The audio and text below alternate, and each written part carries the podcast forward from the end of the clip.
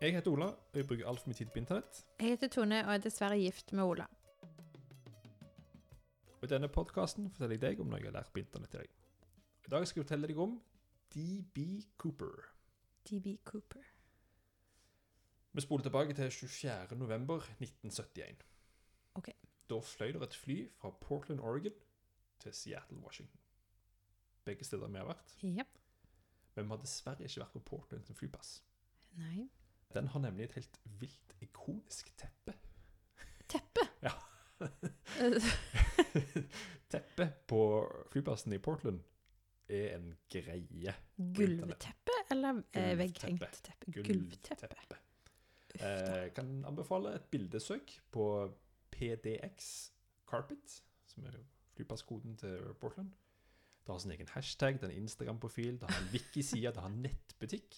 Oi. Du kan få klær med dette mønsteret på det. Her kan du bare kjapt få, få se det mønsteret. Det er ganske sånn Det, det skiller seg jo ut. Det kan være et teppe Ja, på en flyplass. Ja, det skiller seg ut. Det er ikke umiddelbart nydelig.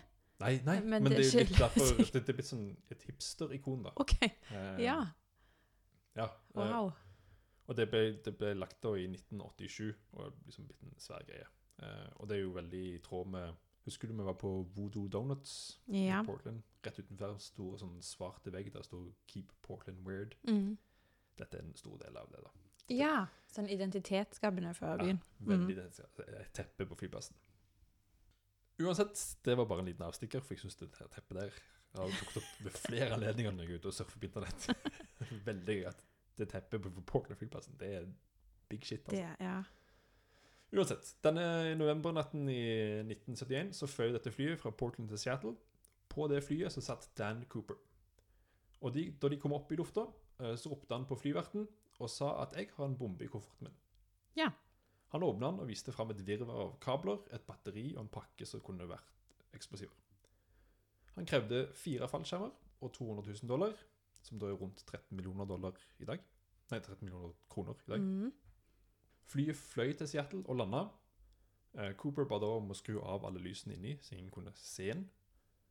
Eh, og Så slapp han av alle passasjerene, fikk pengene og fallskjermen inn i flyet, og så tvang han da to piloter og to flyverter til å bli igjen.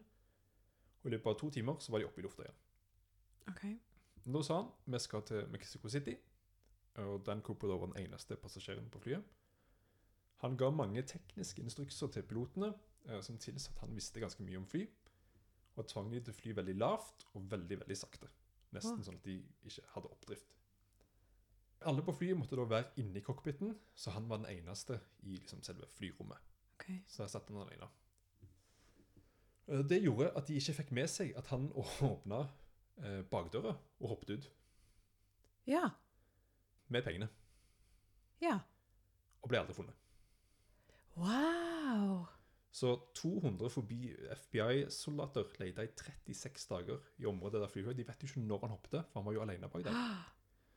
Og en ubåt ble satt ut i innsjø for å lete på sjøbunnen. Det fins ingen beviser, det fins ingen snurt av fyren. Dette er den eneste flykapringen i verdenshistorien som ikke er løst. Han kom ja. unna. Han og han har vi aldri funnet siden, eller gitt livstegn fra seg. Aldri. Og vi vet egentlig ikke om han overlevde fallskjermhopp heller, for man vet jo ikke når han hoppet, så det området å søke er jo enormt Ja. stort.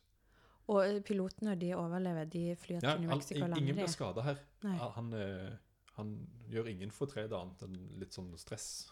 Ja, ja, nei, det er det. Han vil bare vekk, han. Ja, han fikk pengene, masse penger, Ja. og kom unna med det. da. Og Det er ingen beviser og ingen ledetråd for hvem han er. Det eneste vi vet, er at han het ikke Dan Cooper. Det er et falskt Ah. navn han oppga seg på flybilletten. Okay. Og en journalist uttalte navnet hans feil på en TV-sending, så han sa han het DB Cooper. Og av en eller annen grunn så bare begynte alle å kalle han for DB Cooper etter det. For det var bare en journalist som sa feil en gang, og nå, oh. nå han oh, ja, heter DB Cooper. Fenomenet DB Cooper. På fly, flybilletten så står det Dan Cooper, så DB, det bare kommer derfra. Det er veldig rar greie. Mm. Men i 1980, da, ni år senere, så fant en åtteåring en pakke med forderva penger langs Columbia River litt nord for Portland. Og den inneholdt nesten 6000 dollar, eh, og serienumrene på de sedlene beviser at det var pengene som han fikk. Åh. Og de det skrev- blir litt trist hvis han ikke klarte det, kjenner jeg. Ja, så de, de skrev ned alle serienumrene på sedlene han fikk, Ja, og vet da vet at det er penger, og dette var pengene Ja. han fikk.